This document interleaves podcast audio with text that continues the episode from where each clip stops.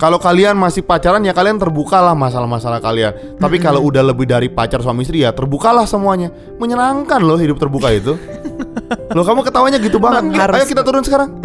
Aku pengen terbuka ini sekarang. Kita ingin buka-bukaan.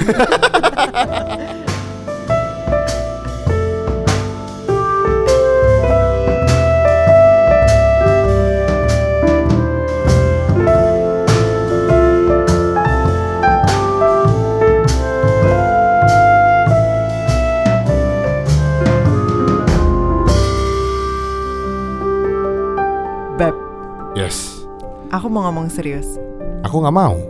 Ah, yang bener. Kita kan di pilotok nggak pernah serius. Ah, aku yang bener kali ini. Kamu harus dengerin aku. Ini salah satu permintaan aku. Dari 1200 permintaan kamu. Enggak cuma satu ini. Oke. Aku minta supaya kamu kasih aku quality time. Kita kan setiap malam selalu No, bersama-sama. quality time by myself. Maksud kamu me time. Iya, me time itu dia. Aku selalu kasih kamu kok. Kamu me time, aku me time, terus kita me time bersama. Jadi we time. Enggak, maksudnya kadang-kadang aku tuh sebagai introvert tuh mau sendirian aja. Jadi meskipun kamu sibuk, kamu terus habis itu kerja atau mungkin kamu di rumah kerjanya gitu kan. Ya aku pengen sendirian. Bohong dia. Dia selalu minta gue temenin kadang-kadang. Terutama kalau tidur. Ya justru kalau udah mau tidur doang. Kalau enggak nggak mau dia sama gue. Jadi memanfaatkan banget gitu ya. Jadi Beb, beb, beb. ah, Kenapa mm-mm. kamu perlu me time? Memang kalau sama aku kamu tidak me time.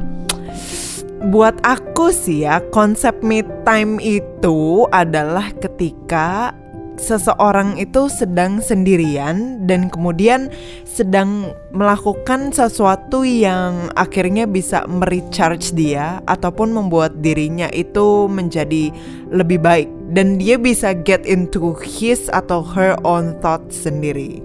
Tapi kan nggak semua orang kayak kamu.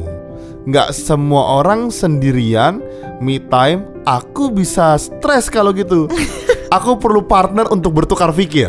Aku perlu partner untuk berbicara. Atau aku perlu partner untuk mengeluarkan segala yang ada di dalam tubuh ini. biar terus lega ya Beb ya. Jadi habis keluar kan biasanya lega, capek gitu kan. Tapi by the way, pas kamu juga misalnya ini buka rahasia dikit ya. Kadang-kadang ketika kamu lagi di mobil atau ketika kamu lagi mandi, kamu tuh kadang-kadang suka ngomong sendiri tau gak sih dengan pikiran kamu dan kemudian kamu berdiskusi dengan diri sendiri. Iya, mungkin karena kamu lagi diem aja. Enggak ya, enggak ya. Tapi kan berarti konsep me time itu dibutuhkan sama semua orang ya nggak sih? Hmm, aku merasa setiap orang perlu me time, tapi mungkin bahasa me time-nya beda-beda. Oke, Iya misalnya. dong. Misalnya gini, misalnya gini. Eh, gue nggak tahu ya teman-teman yang denger kita ini merasa perlu banget nggak sama me time, atau kalian tuh merasa gua nih capek terus-terusan di keluarga atau gue nih capek terus-terusan di hadapan teman-teman gue. Gue nih capek di depan pacar gue, gue tuh pengen sendirian kadang-kadang. Nggak usah emosi gitu, Bang. Oh enggak. Kayaknya kayak melampiaskan banget enggak, nih. enggak. Tapi by the way, gue dan Mandy memang punya me time yang beda. Ah, Gua itu kalau me time sukanya Mandy pergi dari rumah. waduh, Waduh. dalam hati gue ting ting ting. gue harus pergi dari rumah supaya lo bisa me time jahat jadi juga ya. jadi em, main kan mami, mami mertua gue, mamanya Mandy itu kan di Kelapa Gading. Dan setiap Jumat itu biasanya Mandy pulang ke sana. Untuk karena di Sabtunya dia ada ngajar atau ada apa dan buat gue itu menyenangkan. Kenapa? karena di rumah gue bisa sendirian, gue bisa rapi-rapi rumah, gue bisa beres-beres rumah dan gue senang dengan itu. Entah kenapa kalau ada dia rese aja gitu. Hmm. Gila, Sekalipun dia nggak ngapa-ngapain sebenarnya. Tuh. Tapi tapi gue males aja gitu. Parah, parah, parah. Ini namanya eh, melanggar undang-undang mengenai pencemaran nama baik, Beb. Wah, kayaknya terlalu terlalu jauh, Beb. Kayaknya terlalu jauh deh.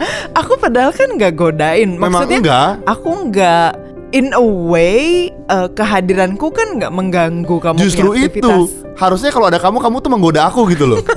Makanya udah ada kamu, nggak ngapa-ngapain, nggak usah lah. butuh godaan. Tuh. Oh, jadi menurut kamu konsep me time itu bukannya kayak relax atau santai ya. Justru maksudnya adanya kesempatan supaya kamu bisa bekerja sendiri, entah itu pekerjaan rumah ataupun pekerjaan sekolah. Eh salah ya. Maksudnya pekerjaan kantor misalnya gitu. Enggak sih ya. Jadi aku tuh merasa kalau me time aku itu adalah rapi-rapi rumah. Karena aku suka rapi-rapi rumah. Seperti yang kita pernah angkat di podcast sebelumnya bahwa gue tuh suka nyuci. Gua itu suka memasukkan baju ke mesin cuci yang bukaan depan. Gue spesifik ya, mesin cuci yang bukaan depan. Uh, uh, emang Kalau- bukaan depan lebih enak sih. Oh, kalau yang dari atas kan nggak terlalu gimana? Nggak terlalu, Kalau depan ha-ha. kan, bus, bus, gitu kan, dilempar-lempar, disodok-sodok gitu kan. Tapi kalau misalnya menurut aku konsep me time itu bukannya digunakan agar kita bisa recharge ya. Maksudnya supaya kita itu bisa get alone with our thoughts. Karena kadang-kadang kalau misalnya kita sibuk, kita terlalu banyak di depan orang, kita tuh kadang-kadang nggak bisa tahu apa sih maunya kita gitu. Atau pikiran kita jadi ruwet banget. Jadi butuh me time sendirian, tenang. Terus abis itu kita bisa memikirkan hal-hal yang baik. Enggak, enggak, enggak. Kalau Enggak gue time mungkin ke time zone, ke Dufan, senang gitu sama teman-teman. Tapi itu Ah. kayaknya beb memang beda faktor introvert ekstrovert juga termasuk Hmm. pengaruh. Jadi kalau introvert mungkin mereka recharge sendiri, Hmm. mereka butuh sendirian diam baca buku. Tapi buat orang-orang seperti aku Hmm. yang agak berisik dan berlebihan ini, aku suka banget ketemu teman-teman dan banyak orang. Hmm. Jadi kalau misalnya kita pergi date gitu ya di komunitas kita sama teman-teman, aku tuh suka biasanya. Jadi aku Hmm. tuh berisik dan seru pokoknya di situ. Dan buat aku itu aku recharge gitu. Buat kamu seru sih Beb Tapi buat aku agak sedikit annoying Parah. Jadi kamu merasa komunitas kita tuh annoying. Aku laporin ntar nih dia nih. Pencemaran nama baik Macam marah baik dia nih. Tapi Beb berarti menurut kamu Me time itu nggak penting dong Maksudnya nggak penting-penting banget Nggak seperti konsep aku bahwa me time itu harus recharge Harus baca buku, harus santai, minum teh Lihat pe- perkebunan atau hijau-hijau gitu. Me time kamu mahal ya. ya, agak High agak quality, high quality Iya high quality me time-nya harus lihat perkebunan gitu ya. Kamu nggak bisa lihat sawah aja ada banyak sih sawah daerah sini. Aku bawa Iya, bisa. Ya udah kalau nggak ada perkebunan ya sawah oke lah Ya, Oke lah. Nggak tahu ya. Mungkin kalau buat aku me time itu adalah suatu bonus Hmm. yang boleh diambil boleh tidak. Oh, Jadi aku oke. tidak misalnya gini ya. Misalnya tidak ada waktu kosong sendirian gitu. Ya aku biasa aja gitu. Buat aku ya tidur juga udah me time. Jadi kalau aku lelah butuh sendiri ya aku tidur. Nama Budi hobi tidur. Tidur. Nah, Simple kan? Oh. Jadi mungkin beda ya. Aku merasa tidur itu menyenangkan sih. Nggak ada yang bilang nggak menyenangkan sih Bang. Maksudku Jadi menurut kamu ketika misalnya nih uh, Let's say ya Kita nggak punya kerjaan lain Selain kita Tidur. Enggak enggak Kita di rumah 24 jam 7 hari dalam seminggu gitu ya Terus-terusan kita balik di rumah Kamu nggak demand waktu untuk sendiri gitu Atau kayak nggak gerah dan pengen sendirian aja gitu loh Beb, tau nggak? Dari selama kita bicara berapa menit ini mungkin sekitar 8 menit gitu ya. Ah, ah. Kamu kayaknya mengarahkan aku untuk aku butuh sendirian. Padahal aku tidak butuh sendirian. Jangan mungkin uh, my inner deepest desire supaya gue bisa sendirian. Jadi ngomongnya gue mulu, nanyanya gue mulu Iya, gitu. Supaya lu pergi jauh-jauh deh. Enggak, tapi menurut aku mungkin kayak gini ya. Em, setiap orang tuh punya perspektif yang beda-beda mengenai me time. Dan mungkin buat orang-orang seperti aku tidak sesignifikan itu sendirian gitu. Efeknya tidak sesignifikan kamu mungkin bisa setelah keluar dari perkebunan itu kamu fresh gitu, kamu bisa jadi semangat lagi. Mungkin aku biasa aja. Aku mungkin capek, mungkin karena kerja banyak capek gitu. Ya aku tidur aja. Terus besok udah seger lagi gitu. Nah, kalau kamu memang segitu pentingnya kah me time sampai kamu mengarahkan aku untuk me time gitu maksudnya. Karena menurut aku salah satu konsep yang penting buat me time adalah yang pertama supaya aku sih bisa develop ourselves gitu loh. Jadi harapannya setelah me time itu kayak istilahnya kita bisa kayak bertapa gitulah beb. Segala keruwetan segala masalah problem atau mungkin yang pikiran kita nggak jernih itu setelah me time sendiri bisa lebih jernih. Karena istilahnya yang benang-benang semrawut itu bisa kita lurusin satu-satu ketika kita diam sendirian dan bisa berpikir gitu. Memang kalau sama aku benang-benang yang ruwet itu nggak bisa lurus. Ya menurut kamu aja Beb Kamu kan tadi bilang Annoying Terus habis itu ribut Berisik Heboh Aduh makin ruwet akhirnya gitu Parah kan. dia parah, parah. Enggak sih Enggak juga sih Beb Kadang-kadang ngobrol sama kamu juga Yang membuat ruwet itu menjadi lurus Oh, nggak Iya nggak kan? hanya ruwet, yang beban-beban itu jadi keluar semua, Oh. jadi lega, jadi lemes gitu, Beb. Tapi ya Ya maksudku kayak gitu Kadang-kadang butuh juga sendirian Supaya bisa berpikir jernih Nggak overwhelming gitu loh I see. Beb, kalau misalnya kamu me time, Uh-uh. kamu selalu recharge atau enggak? Maksudnya bisa aja me time cuma diem aja, santai, Uh-uh. tapi nggak recharge atau setiap kali kamu me time kamu recharge dan kalau me time kamu ngapain sebenarnya sih? Kamu dicolok power bank? Jadi recharge ulang? Enggak Biasanya bertapa di bawah air terjun Beb. Gila. Kayak kayak Dalai Lama gitu. Lu bayangin kan kenapa kita depositonya nggak pernah nambah ya karena tiap hari ke air terjun tiap minggu sekali sama ke perkebunan Enggak juga sih. Tapi maksudnya recharge itu Bisa aja cuma diem. Kalau buat aku sih recharge tuh Nulis. Karena kalau nulis kan itu terstruktur ya Beb. Jadi kadang-kadang perlu mikirin juga. Nah setelah bikin sesuatu yang terstruktur itu kayaknya ha tenang, senang. Karena akhirnya ada sesuatu dalam hidup gue yang bisa gue kontrol gitu. Nah lu tahu kan kenapa skripsi gue dia yang buatin? Karena dia suka nulis gue suka nulis Lu dia yang buatin Dia kan aduh parah banget. Ketahuan deh buka rahasia Ketahuan dapur deh, Semoga dosen-dosen nggak lihat. Ini ya. Tapi kalau udah lulus gak bisa tarik lagi kan skripsinya Enggak, kan? enggak, ya. Udah aman kan? Iya Ah. harusnya sih itu Oke, mah. oke.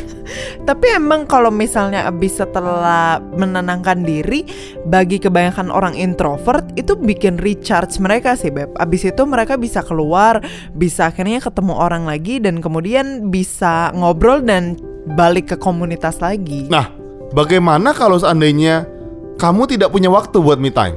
Terus apa yang terjadi? Eh, iya pasti otomatis gue cranky banget. Serius, mas sampai segitunya? Iya bukan cranky sih sebenarnya. Dalam artian bukan terus abis itu jadi marah-marah jadi emosian. Tapi mungkin by the time goes bisa jadi overwhelming. Maksudnya karena nggak ada waktu buat melepas penat nggak ada waktu buat akhirnya eh, memikirkan hal-hal yang seharusnya dipikirkan gitu ya akhirnya hidup jadi amburadul karena akhirnya gue nggak bisa mengatur prioritas karena gue nggak ada waktu buat ngatur prioritas gitu. Wah, teman-teman kalau ada referensi air terjun sama perkebunan kabarin ya. Maksudnya supaya kita bisa lebih deket-deket gitu, biar kamu bisa terus bergabung dengan komunitas kan, tetap fresh kan, Mem. Enggak sih, tapi maksudku adalah mungkin karena balik lagi kayak episode kita dulu tentang extrovert sama introvert bahwa kadang-kadang kalau orang introvert terlalu banyak untuk bergaul, mereka akhirnya jadi down dan baterai mereka cepat habis. Ush, ya ya ya ya. ya. Jadi kalian bayangkan betapa rumitnya pertingkahan kita. Yang satu mau sendiri, yang satu mau bersama-sama. Yang satu mau bersama-sama dan sangat bawel. Ya, jadi kasihan yang satunya habis terus energinya. Lelah terus dia kalau bersama dengan gue. Makanya gue butuh tidur lebih banyak. I see. Jadi dia emang tidurnya lebih banyak dibanding gue. Tapi Beb menurut kamu ya Penting gak sih bagi suami istri Untuk selalu bareng-bareng Karena kalau misalnya nggak tahu ya Menurut aku kan tujuan merit adalah Supaya kita bisa menyatukan visi, misi Dan menyatukan persepsi gitu Betul. kan Itu berarti kalau kita sering bareng-bareng Ya lebih bagus dong gitu Apakah berarti kalau misalnya kita sering eh, nggak tahu ya mungkin dari mungkin bagi para pendengar mereka pada nggak tahu kalau kita itu meskipun menikah kita sering nggak pernah ketemu gitu. Ya betul, kita, Kita- jarang ketemu, bener. kasihan ya, kasihan banget. ya. kan. Jadi pacaran sama merit kayaknya nggak baik beda. Iya betul betul. Karena terkadang kalau Budi lagi shift malam atau aku lagi pulang malam, terus eh, lagi sibuk ngajar, kadang-kadang kita nggak ketemu gitu. Cuman di kasur doang tidur pegang-pegang paling. Eh? Ah, oke, Enggak ya? next. Itu enggak ya? jadi, jadi menurut kamu apakah kalau misalnya sebagai suami istri itu penting untuk selalu bersama-sama dan kemudian terbuka gitu akan segala sesuatu? Menurut aku sih penting bersama-sama dan terbuka ya akan segala sesuatu ya. Bayangin ya, kita bersama-sama terus kita terbuka. terlihat menyenangkan kan? I- iya kan? Enggak ya? Eh, Oke, Oke, kan? mungkin kamu perlu mengelaborasi maksudnya menyenangkan kayak gimana dan apa yang perlu dibuka-buka. Jadi gini ya, em, menurut aku segala hal itu perlu terbuka sebagai suami istri. Hmm. Tapi sering kali waktunya salah. Oke. Sehingga hal yang diceritakan yang niatnya baik jadi salah. Oke, misalnya. Misalnya gini, misalnya gini. Istri kamu atau pacar kamu tuh lagi bete soal kuliahnya Hmm, oke. atau lagi bete soal pekerjaannya. Hmm. Terus kamu cerita soal pekerjaan kamu yang dipromosi Hmm. dan dia akan jadi tambah bete dong. kan simple maksudnya gitu. Hmm. Hal-hal yang sederhana. Jadi menurut aku semua diceritakan tapi tahu waktunya gitu. Atau misalnya yang lebih kompleks begini, lebih kompleks begini. Dia lagi nggak suka sama keluarga besar kamu. Hmm, oke. Ada masalah misalnya. Entah kalian masih pacaran atau udah jadi mami mertua gitu ya, paling mertua ya. Dia ada nggak suka gitu. Kalian tahu. Hmm. Taunya malah kalian ajak terus ke sana gitu. Hmm. Nah, itu jadi big deal loh. Jadi Oke. tambah benci dia. Karena dia merasa apaan sih gitu. Harusnya kalian tahu untuk diam dulu, baik-baikin dulu. Ya senormalnya dulu aja biasa aja. Nanti masuk pelan-pelan dan menurut aku itu butuh proses, butuh mengenal, butuh lihat wah kayaknya gue mesti tahu salahnya nih pelan-pelan karena itu kadang-kadang big deal loh, Bem. Waktu yang salah tuh big deal beneran. Hmm, jadi menurut kamu semua hal itu mesti dikasih tahu, tapi timingnya aja yang mesti tepat. Iya. Orang nggak boleh nggak terbuka sih sama pasangannya. Oke, aku. terutama di dalam pernikahan ya. Betul, betul. Oke. Nah, sekarang menurut kamu gimana, Beb? Segala hal tuh perlu diceritain nggak? Atau ada privacy-privacy yang sebetulnya pasangan kita nggak perlu tahu? Hmm, kalau nggak perlu tahu sih banyak ya beb yang nggak perlu tahu. Misalnya Wah. kayak, Apa nih? wah Jangan-jangan ada yang aku nggak tahu selama ini. banyak Nggak, lah beb. Abis ini kita mesti ke bawah, Uh-uh. kita mesti bersama dan kita mesti terbuka. aku harus tahu semua dong. Nah, maksudku adalah gini, kadang-kadang kalau misalnya kita kerja ya, kan gak semua detail penuh diceritain ya Beb Karena kan kayak jam 8 lewat 5, saya membuka saset kopi 8 lewat 6, saya menaruh air panas Beb, kalau di- itu- itu nggak Iya, perlu, Maksudnya memang. kan ada beberapa hal yang kayaknya nggak penting banget untuk diceritain gitu kan. Nah, tapi yang menurut aku perlu diceritain adalah ketika ada suatu hal yang akhirnya me apa ya berdampak pada emosional kita, terutama emotional health gitu. Misalnya di kantor ada masalah, di dalam keluarga you ada masalah, atau mungkin you secara pribadi juga merasa uncomfortable, itu perlu diomongin sih menurut aku. Jadi mengenai batasan privacy, memang sebagai suami istri bisa dibilang nggak ada privacy sama sekali gitu. Semuanya akan terbuka dan semuanya akan terlihat Oh, dengan no. jelas Oh. dan transparan. Oh. Beb please. Oke, Dia terlalu excited Oke, kayaknya. oke, oke. Udah jarang dapat jatah kayaknya. udah jam setengah sepuluh soalnya ini. Udah harus turun gitu. Anyway, nah jadi menurut aku bukan masalah apa yang boleh nggak boleh, tapi terkadang apa yang penting dan nggak penting gitu. Jadi penting untuk dibicarakan ketika misalnya itu adalah sesuatu yang mengganggu dan kalian merasa itu harus diceritakan supaya hubungan kalian akhirnya bisa adem ayam lagi. Nah, berhubung moto kita agree to disagree, Mhm. yang ini gue disagree. Kenapa? Gini, kadang-kadang Uh-uh. ada sesuatu yang menurut kamu nggak penting, menurut aku penting. Hmm, ah, betul. I- iya dong, maksudnya Betul. gitu. Jadi kan perspektif penting nggak penting itu kan relatif gitu. Betul. misalnya, misalnya, let's say waktu dulu kita pacaran ya, betul. yes. Mandy tuh suka nggak cerita biasanya. Yes, Tapi betul. mukanya berubah, aneh mukanya. Jadi gue kayak apa sih gue tanyain mulu, dia bilang udah lah nggak usah, nggak usah, nggak usah. Malah guanya uring-uringan. Ah. Gitu. Makanya kalau misalnya gitu, menurut aku kalau misalnya itu sampai mengganggu psikologis pasangan kalian Hmm, harus diceritain sekalipun menurut kalian tidak penting gitu. Iya dong. Kadang-kadang iya. itu big deal loh sebenarnya. benar-benar. Jadi mungkin perlu diklarifikasi kalau misalnya kalian merasa bahwa itu adalah sesuatu yang mengganggu gitu Ya. dan kalian nggak bisa kontrol emosi kalian, mendingan diceritain deh dan jujur dari awal dibandingkan nanti-nantinya jadi snowball effect dan berakibat bom waktu yang nggak bagus. Nah biasanya terjadinya gini, misalnya misalnya si cewek nggak pernah cerita gitu ya, kan suka mendem, mendem, Mm. mendem, terus tiba-tiba suatu saat meledak, kamu sih nggak pernah ngertiin aku, loh cerita aja nggak pernah gimana, gitu misalnya gitu kan, Bener sih. kayak dia bener. misalnya nggak pernah cerita, terus tiba-tiba tertekan tertekan, akhirnya ngomong gitu, nah itu kan jadi konflik sebetulnya, karena cowoknya juga nggak tahu gitu. Hmm, jadi memang bagi cewek di luar sana ya kalau misalnya pun kalian ada me time dan kalian merasa sudah benang-benang itu disemrawutkan dan menjadi lebih lurus, ya tetap aja sih. Kalau memang kalian merasa perlu diceritain dan itu mengganggu kalian punya damai sejahtera, ya udahlah dikasih tahu dan jujur aja sama pasangan. Kalau kalian masih pacaran ya kalian terbukalah masalah-masalah kalian. Tapi kalau udah lebih dari pacar suami istri ya terbukalah semuanya. Menyenangkan loh hidup terbuka itu. loh kamu ketawanya gitu banget. Enggak, Aku enggak, enggak, iya, iya. Terbu- kita harus terbuka dong. Emang harus. Ayo kita turun sekarang. Aku pengen terbuka ini sekarang. Kita ingin buka-bukaan.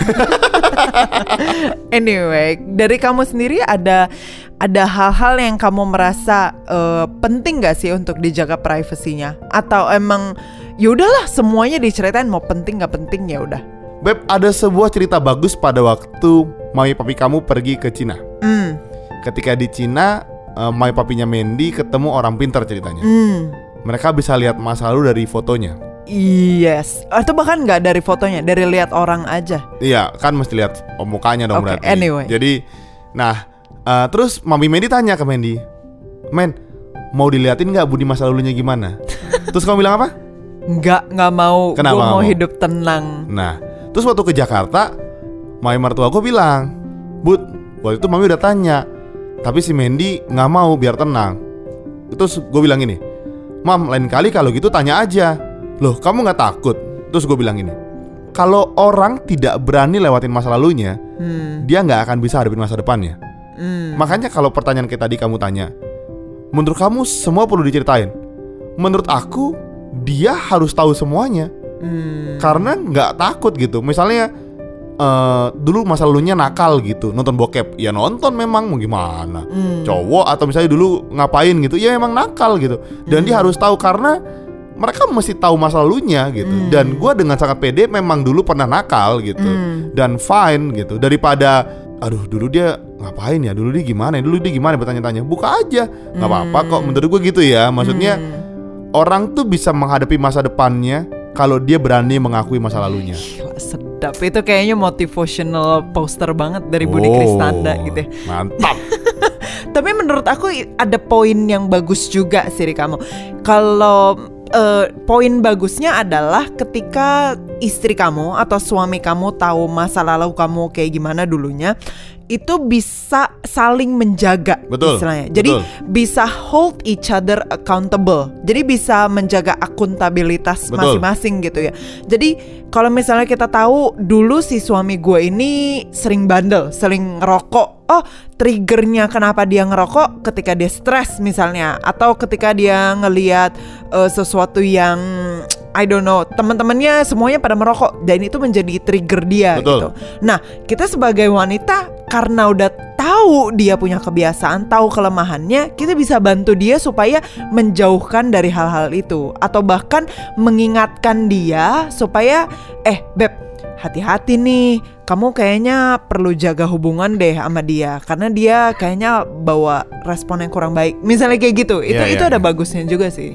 ya jadi kan memang buat gue tidak masalah gitu ya. Hmm. Kalau ditanya ada privacy ya nggak ada gitu. Lu boleh tanya semua hal gitu. Cuman Hmm. mungkin ada beberapa yang gue belum bilang karena belum waktunya.